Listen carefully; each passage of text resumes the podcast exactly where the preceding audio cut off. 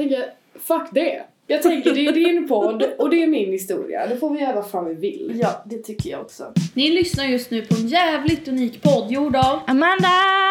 och här ska vi prata om viktiga saker och annan skit.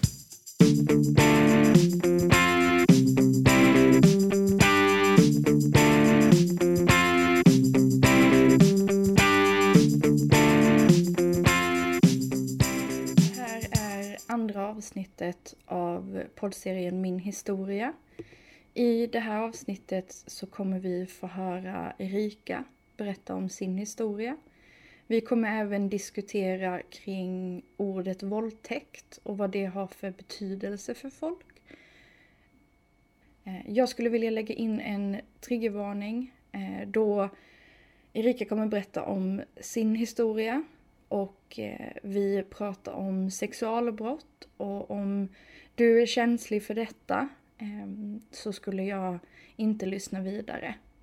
I första delen av min historia så berättade jag om fakta kring sexualbrott.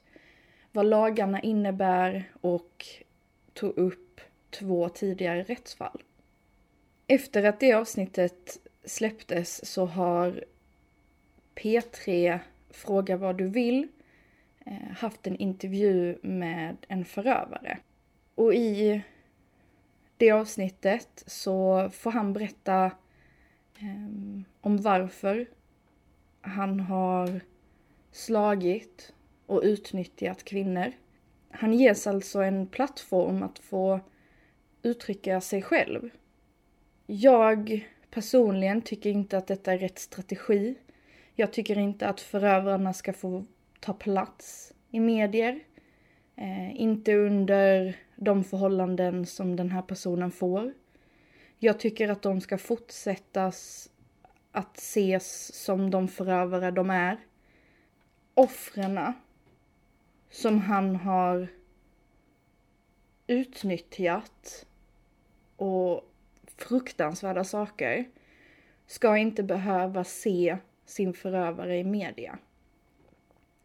Och vi har sett det här under metoo och i andra fall där förövaren får ta plats, att de får berätta om varför de gjorde det och att de nästan ses som offer själva. Jag tycker den här utvecklingen är fruktansvärd.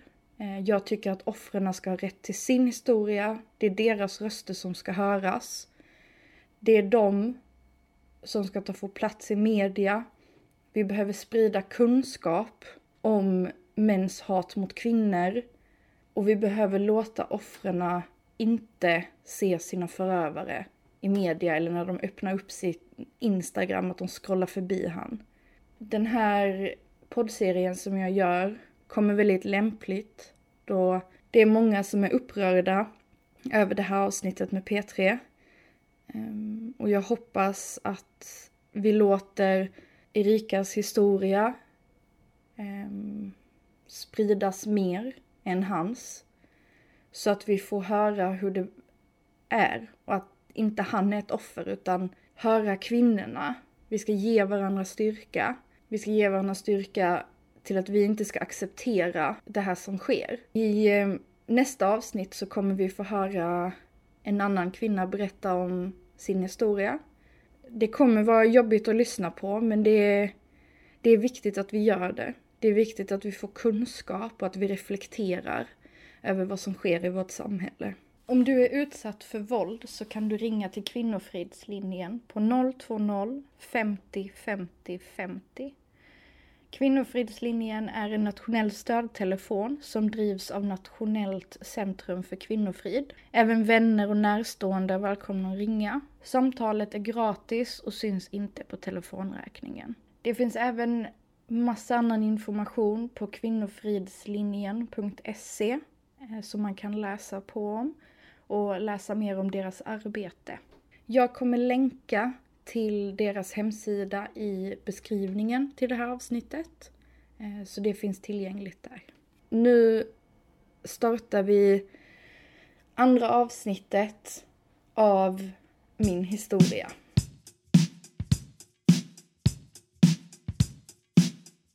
Det här var år 2016. Mm.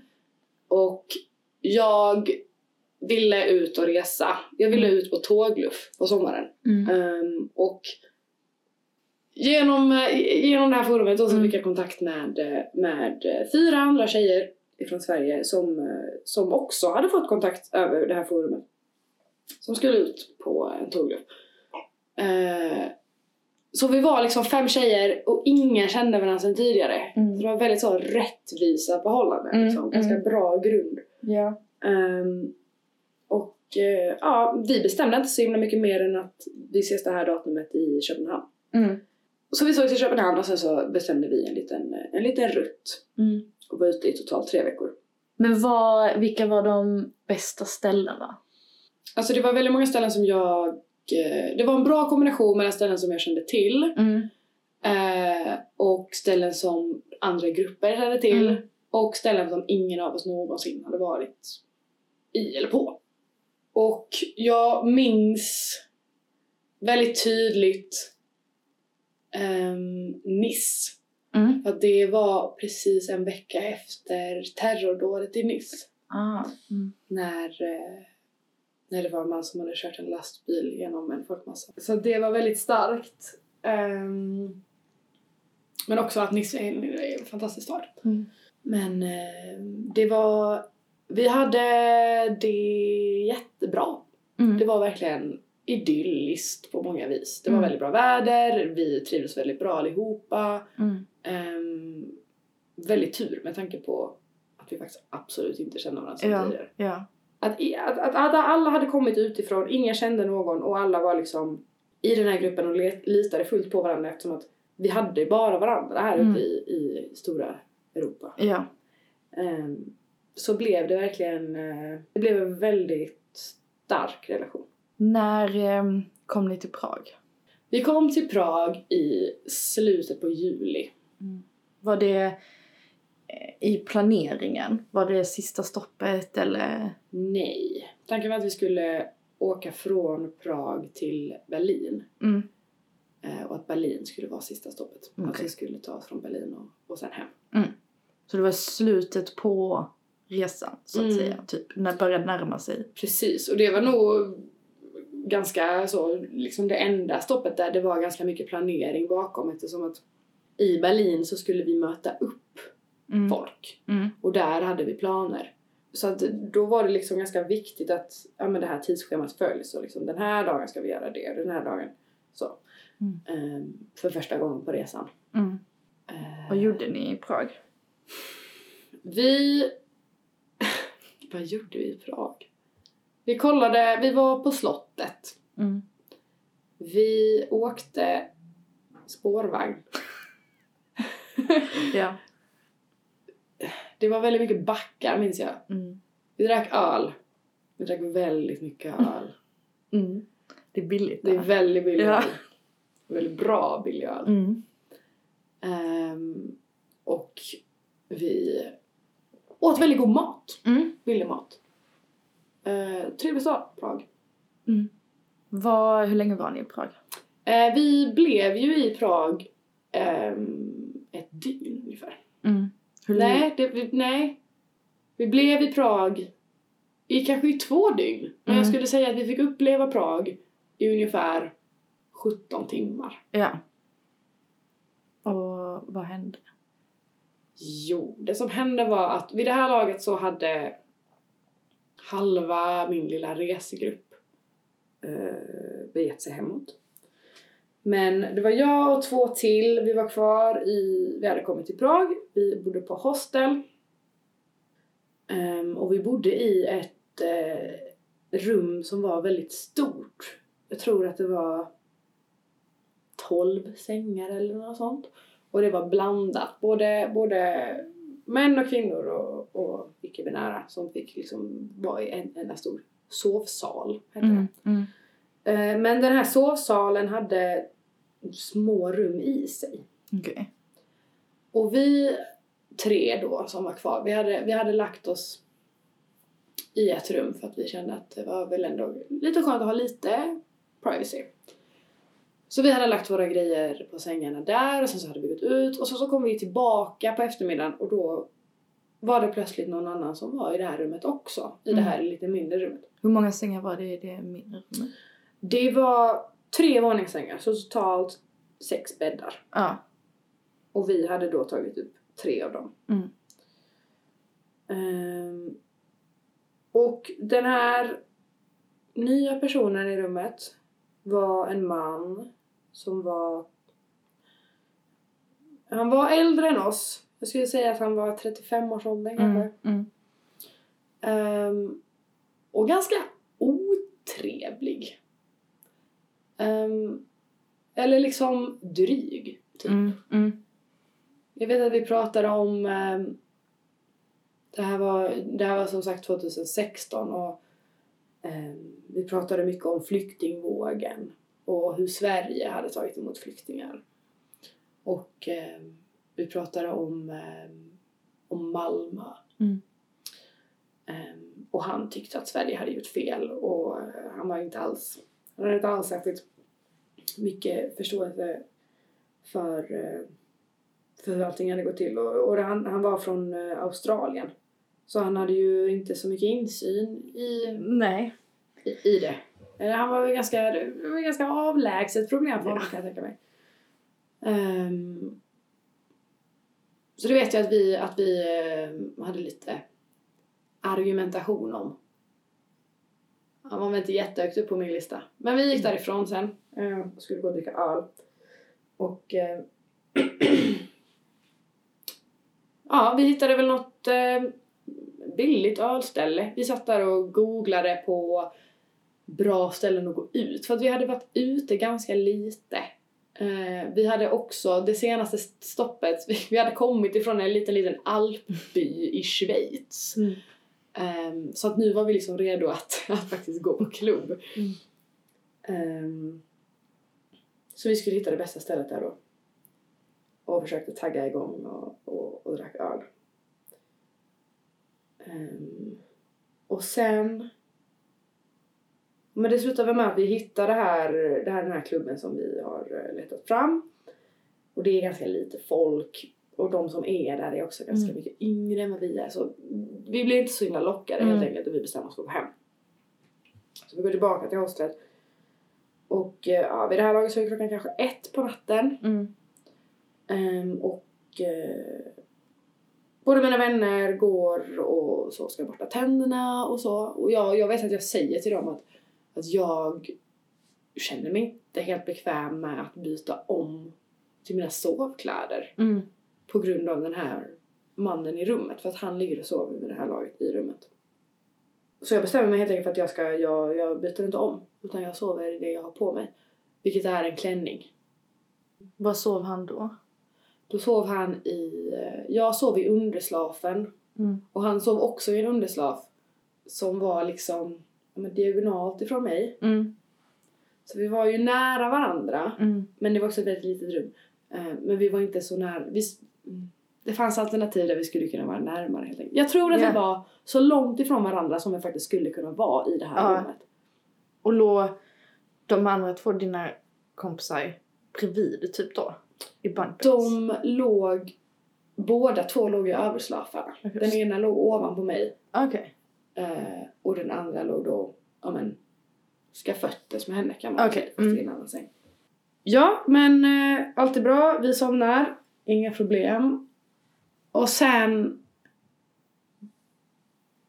så vaknar jag tidigt på morgonen av att den här mannen har han har sina fingrar i mig. Ehm, och han står helt naken eh, och onanerar mot mitt ansikte. Och det är... Jag vet att jag reagerar ganska... Man pratar ju mycket om det här med hur man reagerar liksom. Mm. Och jag tror också att, att de flesta av oss säkert har tänkt hur man själv skulle reagera Ja. i en sån situation. Ehm, och jag reagerar på så sätt att jag lite så sömndrucket Mm. liksom tittar på honom och så säger jag What the fuck? Mm. Och sen så förstår jag lite mer och då säger jag igen what the fuck? Mm. Och sen så liksom får vi ögonkontakt. Och trots att jag är vaken och, och har ögonkontakt med honom så fortsätter han. Han har tagit bort, han har inte sina fingrar i mig längre. Men han står fortfarande och onanerar mot mitt ansikte samtidigt som vi har ögonkontakt. Ehm, och då vaknar jag ju helt till liv och, och liksom skriker what the fuck. Och ehm, jag, jag vill minnas också att jag, att jag sparkar på honom Mm. ehm, i magen. Mm. Och att han liksom trillar, trillar bakåt lite. Inte så att han landar på golvet men, Nej. men ryggar tillbaka så. Och, eh, och jag tar upp en toffla ifrån golvet, en sandal och, och kastar på honom och skriker What the fuck! Mm. Ehm, och, och då vaknar mina vänner ehm, och så frågar de vad det är som händer. Och min första reaktion har jag nog inte, jag tror inte, jag har liksom inte riktigt uppfattat vad det är som händer. Så min, det jag säger till dem är att han tog mig på röven.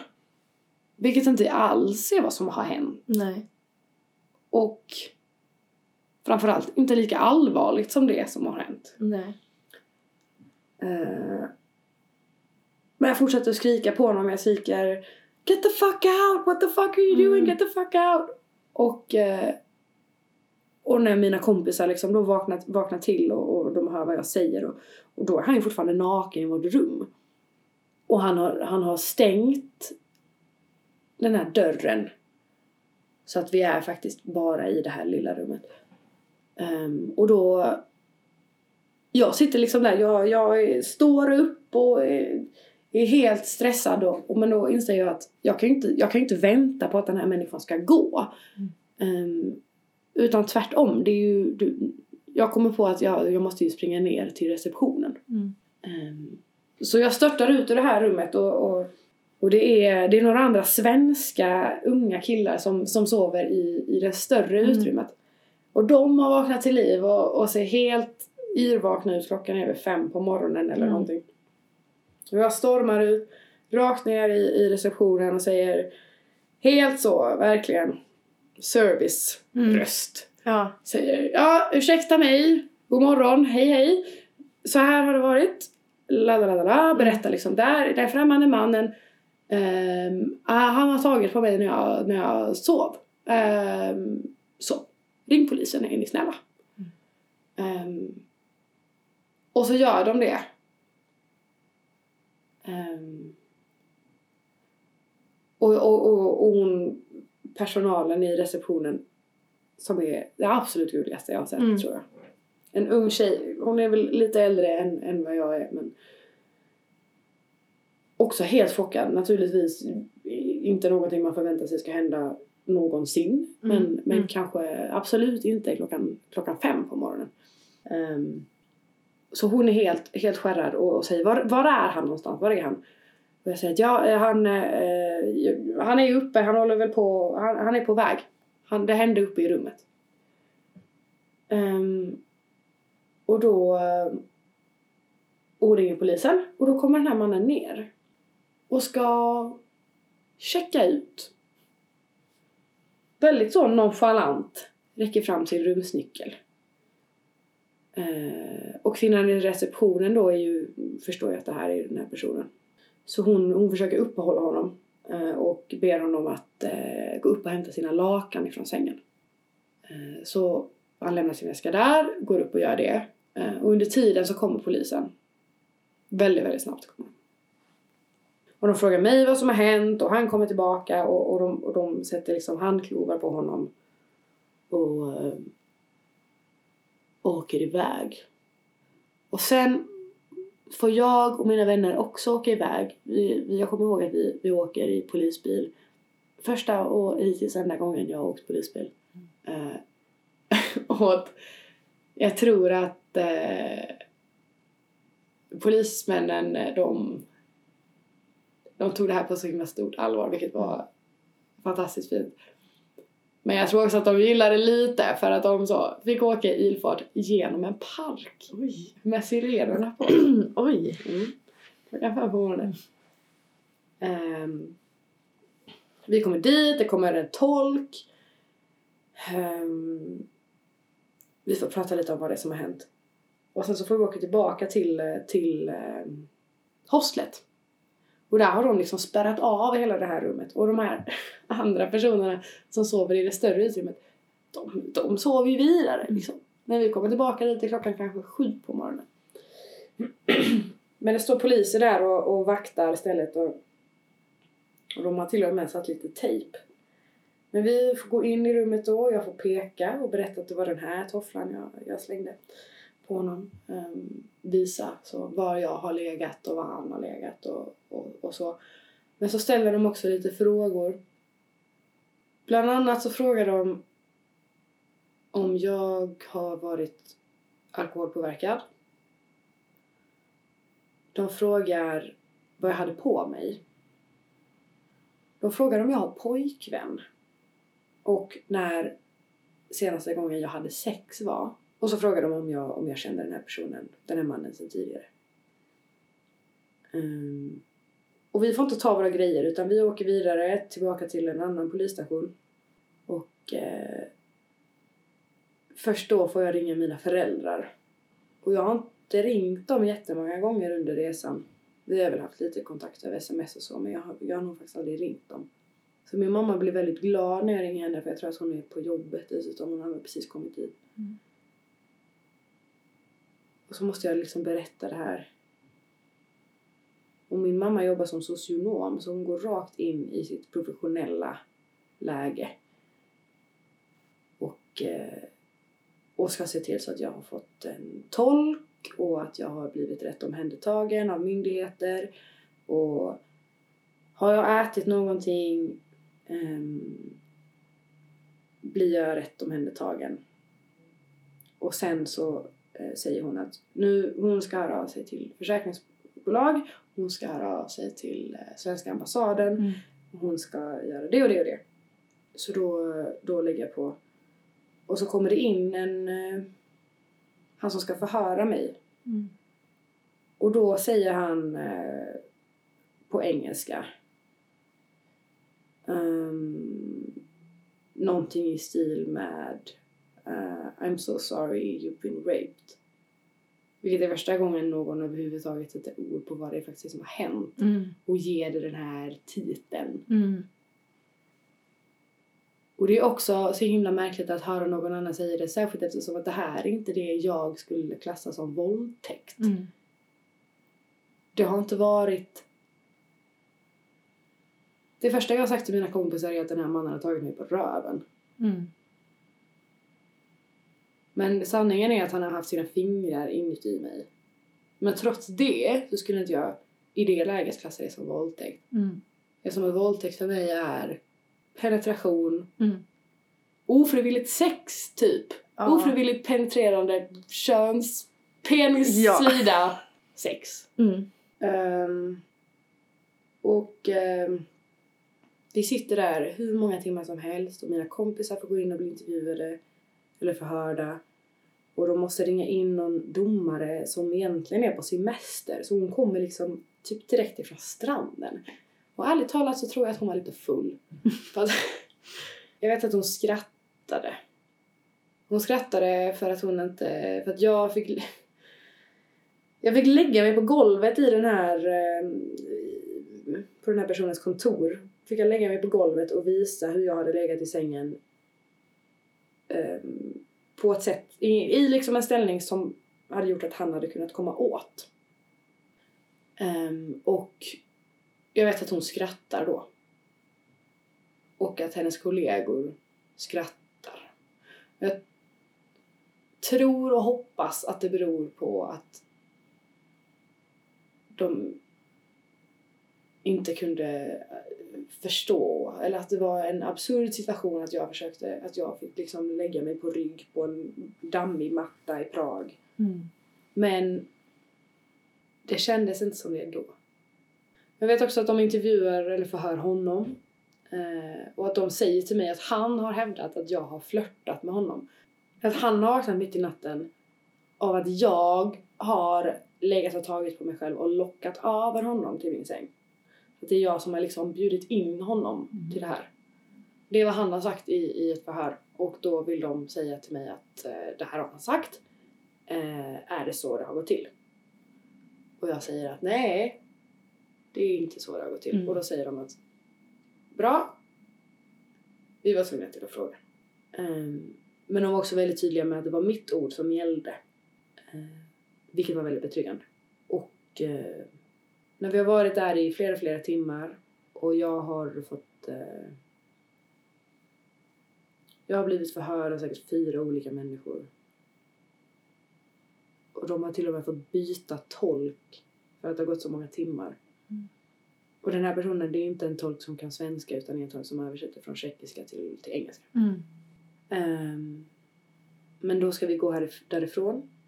Och när vi går genom korridorerna där så då ska de flytta den här mannen. Den här förövare är eh, på samma polisstation. Och då ska de flytta honom till häktet. Och då gör de det. Det råkar liksom klaffa precis samtidigt som när vi ska gå därifrån. Mm. Så vi möts i korridoren. Och då får vi ögonkontakt. Och då ler han. Han ser mig rakt i ögonen och ler. Och det är absolut det vidrigaste jag har varit med om. Och det är det då det liksom totalt brister för mig och jag får en ordentlig jäkla panikångestattack och, och kommer ut ur den här byggnaden och skriker och, och tolken vädjar och säger ni måste gå härifrån nu, han kommer komma ut här vilken sekund som helst, ni måste gå härifrån. Och då eh, så går vi till något ställe bara för att låna internet för att vi är liksom helt helt beslutna om att vi ska härifrån, kosta vad det kosta vill. Vi sätter oss på ett flyg om det skulle vara så. Mm. Ehm, och jag vet också att jag har, jag har kontakt med min mamma under tiden. Och då, ehm, då har min pappa sagt att, att han är beredd att sätta sig i bilen och köra till Prag Mm. för att jag inte skulle behöva vara där längre och för att jag inte ska behöva vänta tills att det går ett flyg eller ett tåg eller någonting. För att vid det här laget så är klockan 11 Mm. och vi har ingenstans att sova. För tanken var att vi skulle vara i Berlin men tågen har slutat gå. Så vi går tillbaka till det här hostlet och de har inga rum lediga. Men de har ett rum med en säng i en sån här en stor sovsal men då är det bara kvinnor som får sova i den här Mm. salen. Och då rotar de fram någon extra madrass. Mm. Så den natten så sov vi tre i en sovsal. Två av oss ligger på en madrass på golvet och en i en säng. En våningssäng. Och dagen därpå åker vi tåg till Köpenhamn och hem.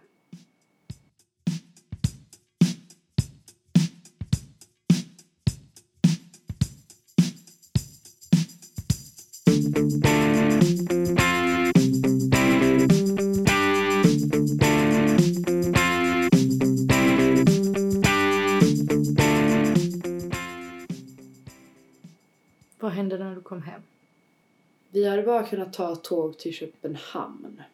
Um, och min mamma kom och hämtade mig och, och en av mina vänner som jag hade rest med i Köpenhamn. Och då var det var sent på kvällen och så körde vi, vi lämnade av min kompis någonstans på vägen och sen så åkte vi hem till mina föräldrar. Och, och de hade gäster. Och det är nog det är en av få gångerna som jag faktiskt har sett min pappa gråta. Mm. Jag vet inte hur många gånger han kramade mig när jag kom hem. Och jag ville bara...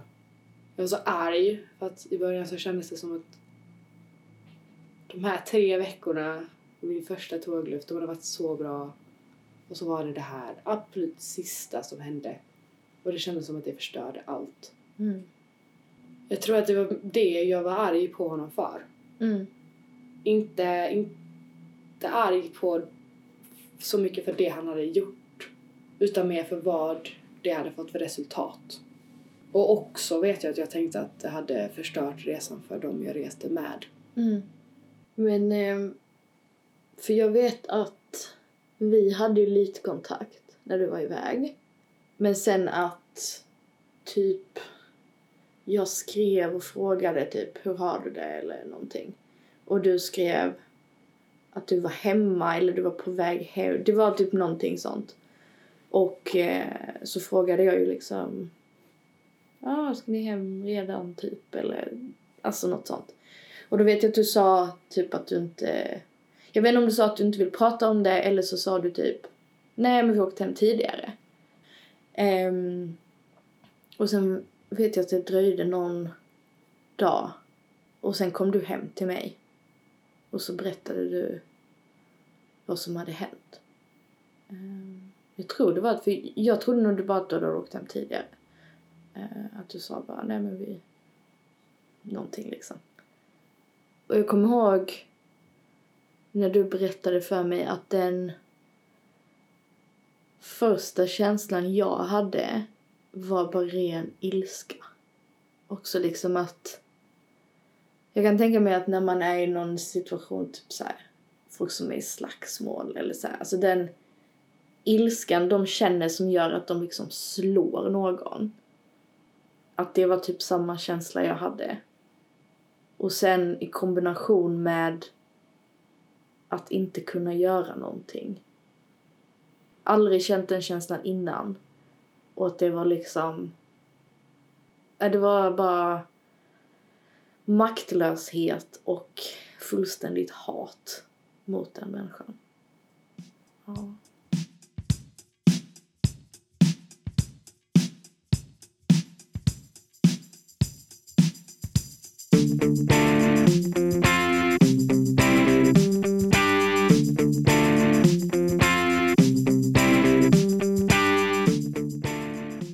Men hur... ehm, hur gick det tillväga sen? Det rättsliga, om man säger så. För han blev ju dömd. Han blev dömd. Han blev eh, villkorligt dömd. Ja. Ehm, och det var ju ytterligare en sån konstig grej eftersom att jag, jag var svensk medborgare, han var australiensisk medborgare och detta hade hänt i Tjeckien. Så Ja. det var liksom alla de här olika regelverken som skulle, som Mm. skulle spela in och, och, och, och allt. Ehm, men han blev villkorligt dömd, han blev utvisad ifrån, ifrån Tjeckien. Mm. Um, särskilt med tanke på att den här ehm, mannen jobbade som lärare i eh, Thailand. Jag vet att jag tänkte mycket på det efteråt. Mm. Att, att vi hade, han hade sagt det till oss när vi pratade eh, och att efteråt, när liksom efter att man hade fått liksom förstå vad han var kapabel till, att då, Mm. då blev det Det hör ju inte ihop. Jobba med barn och vara en våldtäktsman. nej. Men du behövde inte åka ner. Det var ingen rättegång. Det var ju en rättegång men jag hade lämnat mitt eh, vittnesmål, säger man Mm. det? Ja. Ehm, I Prag innan vi åkte därifrån. Ja. Um, så att inte jag skulle behöva komma ner. Mm. Ehm, och jag hade kontakt med en kvinna på ambassaden Mm. som jag aldrig har träffat. Men som jag har haft mycket kontakt med. Mm. Och som också verkligen... Det var det som var så... Det var det som var så skönt under hela den här processen att jag möttes av en kvinna i receptionen. Båda tolkarna var kvinnor. Den här kvinnan på ambassaden, Mm. kvinna. Mm. Jag fick genom mitt försäkringsbolag gå i eh, terapi Mm. på grund av trauma. Fick gå till en kvinnlig psykolog. Mm. Och jag tror att det hjälpte mig väldigt, väldigt mycket att det var så många kvinnor Mm. som hade så pass stora roller under hela den här processen och Mm. som, som lyssnade på mig och som hade svar och som inte nödvändigtvis tröstade mig utan att faktiskt att de hade de här viktiga, mäktiga positionerna och Mm. rollerna som jag verkligen behövde tror jag. Mm. Men det som hände efter var eh, att han blev villkorligt dömd. Och jag... Jag vet att jag fick, jag fick domen på tjeckiska. Mm. Och då fick jag vända mig till någon annan genom ambassaden som fick översätta det. Och jag, jag vet att jag skickade över domen till dem, de översatte den och sen så, jag ville inte se den. Jag, Mm. jag har aldrig läst domen för att jag ville inte. Nej. Jag ville inte ha den möjligheten att läsa den på svenska. Mm. Men sen så fick jag ett eh, brev ifrån eh, Brottsoffermyndigheten. Eh, där det stod då att den här personen hade blivit dömd och att jag skulle få ett skadestånd utbetalat. Mm. Och då stod det också svart på vitt att vad han hade utsatt mig för och att det räknades, eller att det klassades som våldtäkt. Mm.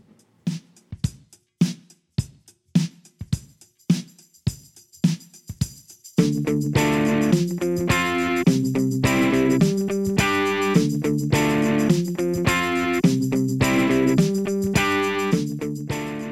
är så mycket i, i ordet våldtäkt ligger det så mycket. Det ligger liksom, det är så många känslor. Det är liksom alla känslor som finns i det ordet. Det är stigmatiserat och det, jag vet inte, men det, det är någonting med det ordet liksom. Att när det ordet sägs så reagerar man.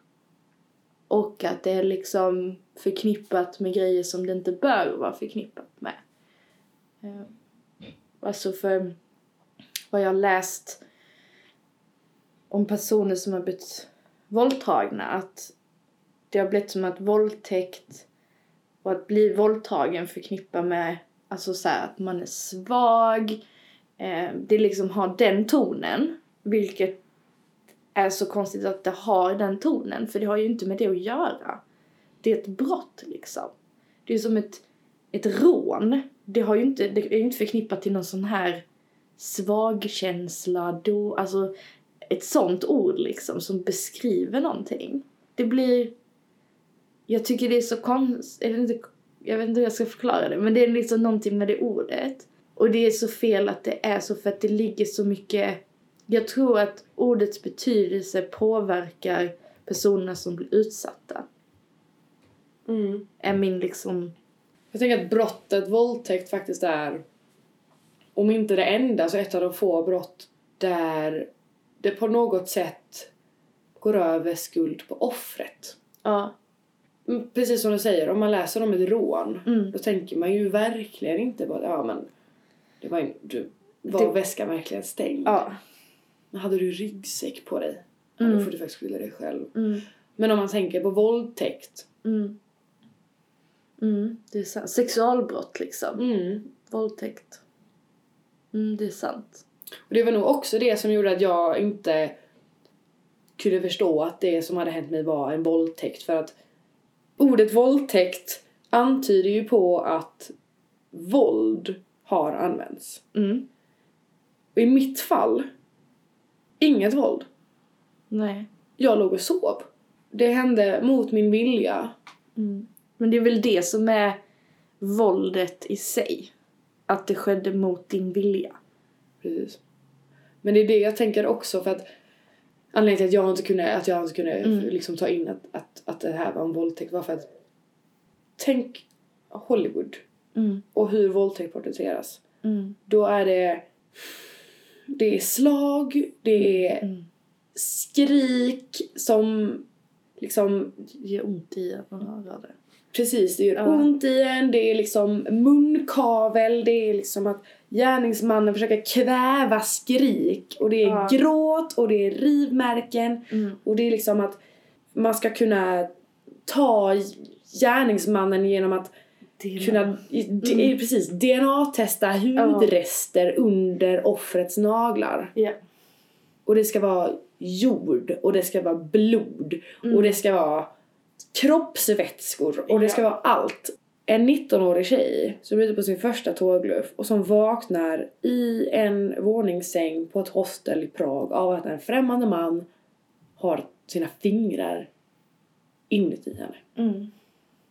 Ja men det är ju verkligen så. Det var det du sa innan liksom att våldtäkt för, alltså som du sa att det är liksom penetration ska ske för att vara våldtäkt.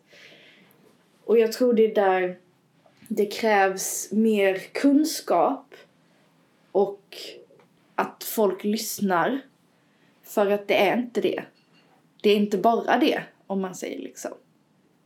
Våldtäkt är så mycket mer och jag tror också det är därför um, en, en utav anledningarna till att många kvinnor inte anmäler är för att de har den beskrivningen av våldtäkt som du sa. Och därför anser man inte att jag har inte blivit utsatt för en våldtäkt. Precis. Ehm, Och det är det jag tror är så fruktansvärt farligt. vi har förståelse att ett rån kan vara att någon tar min väska. Mm. Det kan vara ett rån likadant som ett bankrån liksom. Men en våldtäkt är enbart som på film. Mm. Eller som vi har blivit berättade för.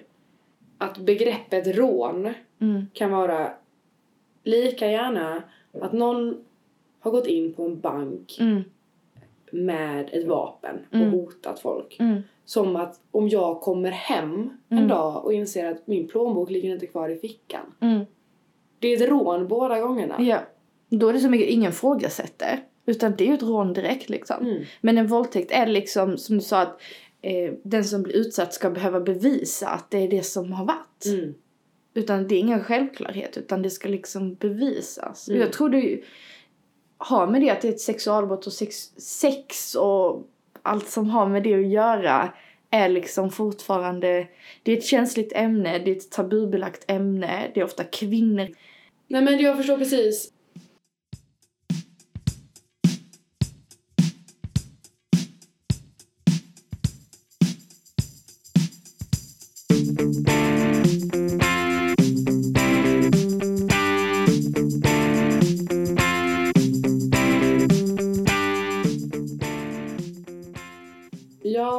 Inte säga att det har förändrat någonting.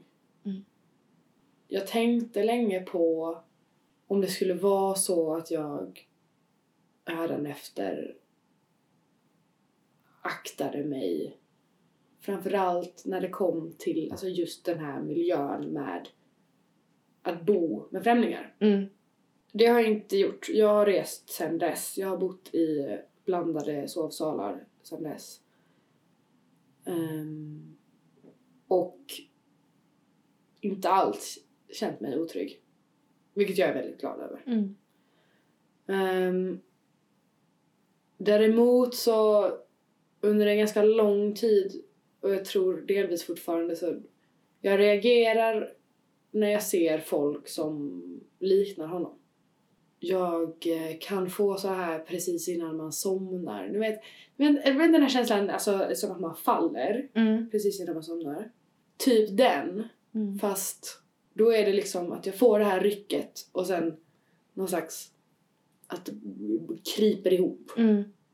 Men det går över väldigt, väldigt fort. Mm. Jag har sällan mardrömmar. Inte så mycket men på det sättet. Mm. Jag har hört att det kan vara lite så antingen eller Mm. om, om man har blivit utsatt för ett sexuellt övergrepp att det kan vara så att för att vissa att vissa att, att det liksom eh, sy- synen på sexualitet Mm. eh, att vissa att det kanske inte förändras alls att vissa att man eh, tar ganska stort avstånd från liksom, Mm. sexuella relationer och för vissa att man på något, alltså att, att, att man ökar på Mm. att man har mer sexuella relationer Mm. kanske också ehm, på något sätt ökar ens egen eh, alltså att tänjer lite på sina egna gränser typ. Mm. Mm. Och jag Mm. tror att det har varit lite så typ för att då ta tillbaka min egen kropp. Typ. Mm. Jag vet också att när jag fick skadeståndet och, och jag spenderade de pengarna så tänkte jag på detta varje gång jag spenderade det. Mm. Och det var alltid från att ehm, om jag ska köpa något riktigt dyrt Mm. till att nu, nu är det de här pengarna. Men också att om jag ska köpa falafelrulle liksom. Mm. bara, Ja, nu är det de här pengarna. Mm. Då får du din jävel. Det som du gjorde till mig. Vet du vad det, vet, vet du vad det kan få mig att göra nu? Mm. Jag kan köpa en jävla falafelrulle. Ja. ja.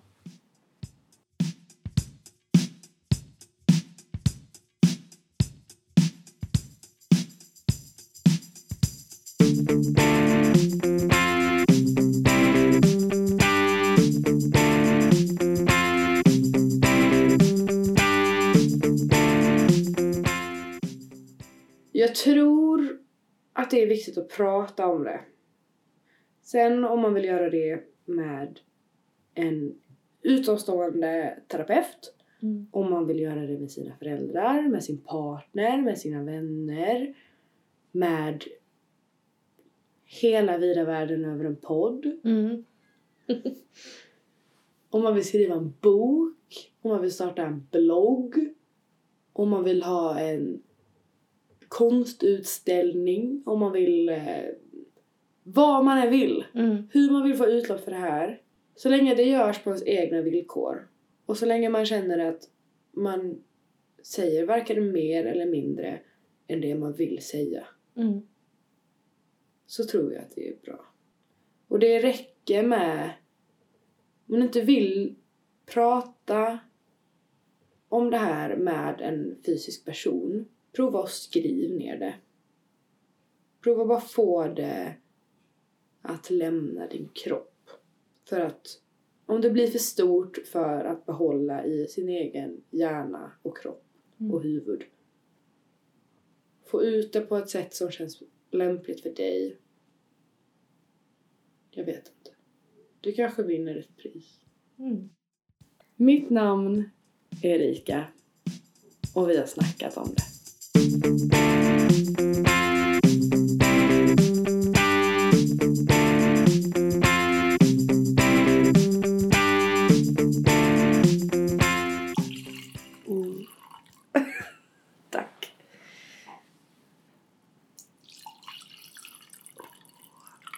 Yes. Och det är sån här... Eh, Skål. vad heter det? ASMR. Vad står det för? A... Jag vet inte. Nice voices. Yeah. Nej, nice sounds är det ju såklart. Yeah. ASMR. Ah.